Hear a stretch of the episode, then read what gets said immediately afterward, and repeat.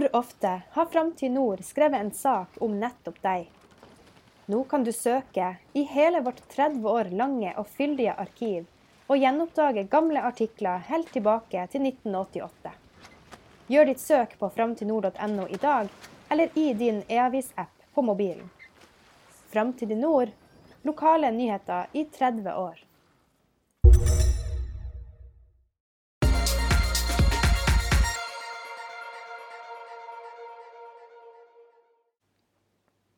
Riktig god fredag. 6. juni 2020 kommer til å bli en merkedag. Det er Da blir det Nord-Troms Pride.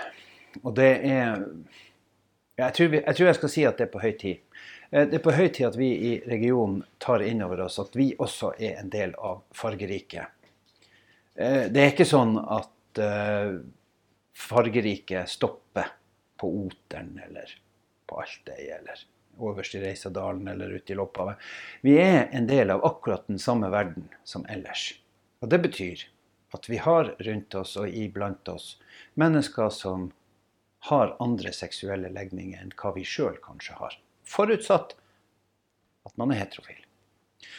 Eh, det kan være homofile, lesbiske, det kan være transpersoner. Det kan være så mange seksuelle orienteringer som mennesker går rundt og gjemmer og skjuler og det er så bra at vi skal få en dag der vi kan ta imot de her menneskene med åpne armer og si det at dere er en del av samfunnet, og vi ser dere. Uten at vi snur ryggen til dere. Og det er så bra at de menneskene også skal få en dag der de kan gå ut i gaten, hvis de tør, og det håper jeg de gjør, og vise for all verden at se her, her har dere meg. Jeg er, og det gjør meg til den jeg er. Jeg har venner og familie som har kommet ut av skapet. Jeg har ei søster som har vært gift med ei anna dame. Jeg er jo akkurat like glad i henne nå som før jeg fikk vite det.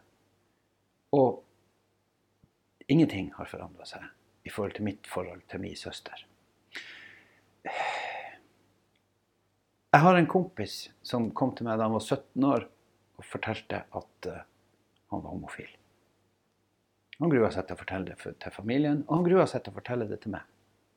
Men det artige var at før han fortalte meg det, så så han sånn omtrent sånn her ut. Og etterpå så så han sånn omtrent sånn her ut. Han forandra seg knapt noe som helst. Han så litt lettere ut, kanskje. Men utover det var han akkurat den samme fyren forandra ingenting. Og hvorfor skulle jeg da forandre meg når han ikke forandra seg? Hvorfor skulle jeg bli en annen overfor han enn det som hadde vært før? Og jeg skulle ønske at vi klarte å tenke det. Eh, for meg er det en naturlig ting. For meg så endrer ikke folk karakter om de er det ene eller det andre. For meg så er de akkurat de samme menneskene. De bærer bare på kanskje en hemmelighet som de ikke trenger å bære på. Og hvis noen har lyst til å være hemmelig homofil resten av livet, så for all del. Det skal ikke være sånn at 6.6 skal være den store tvangsdagen der vi outer alle.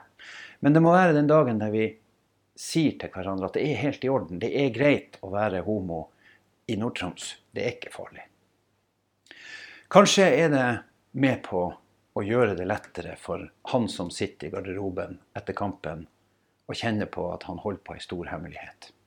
Eller Kanskje er det med på å tillate for dem som sitter i forsamling, å kjenne angsten i fall noen skulle oppdage hva som egentlig rører seg i hjertene deres.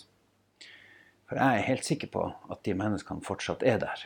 Og jeg er helt sikker på at i Nord-Troms er det flere prosentvis som lever med en sånn hemmelighet enn hva det kanskje er ellers. Fordi vi i Nord-Troms nok ikke er kommet langt nok vi har enda et langt stykke igjen å gå på det å være tolerant på ganske mye. Og det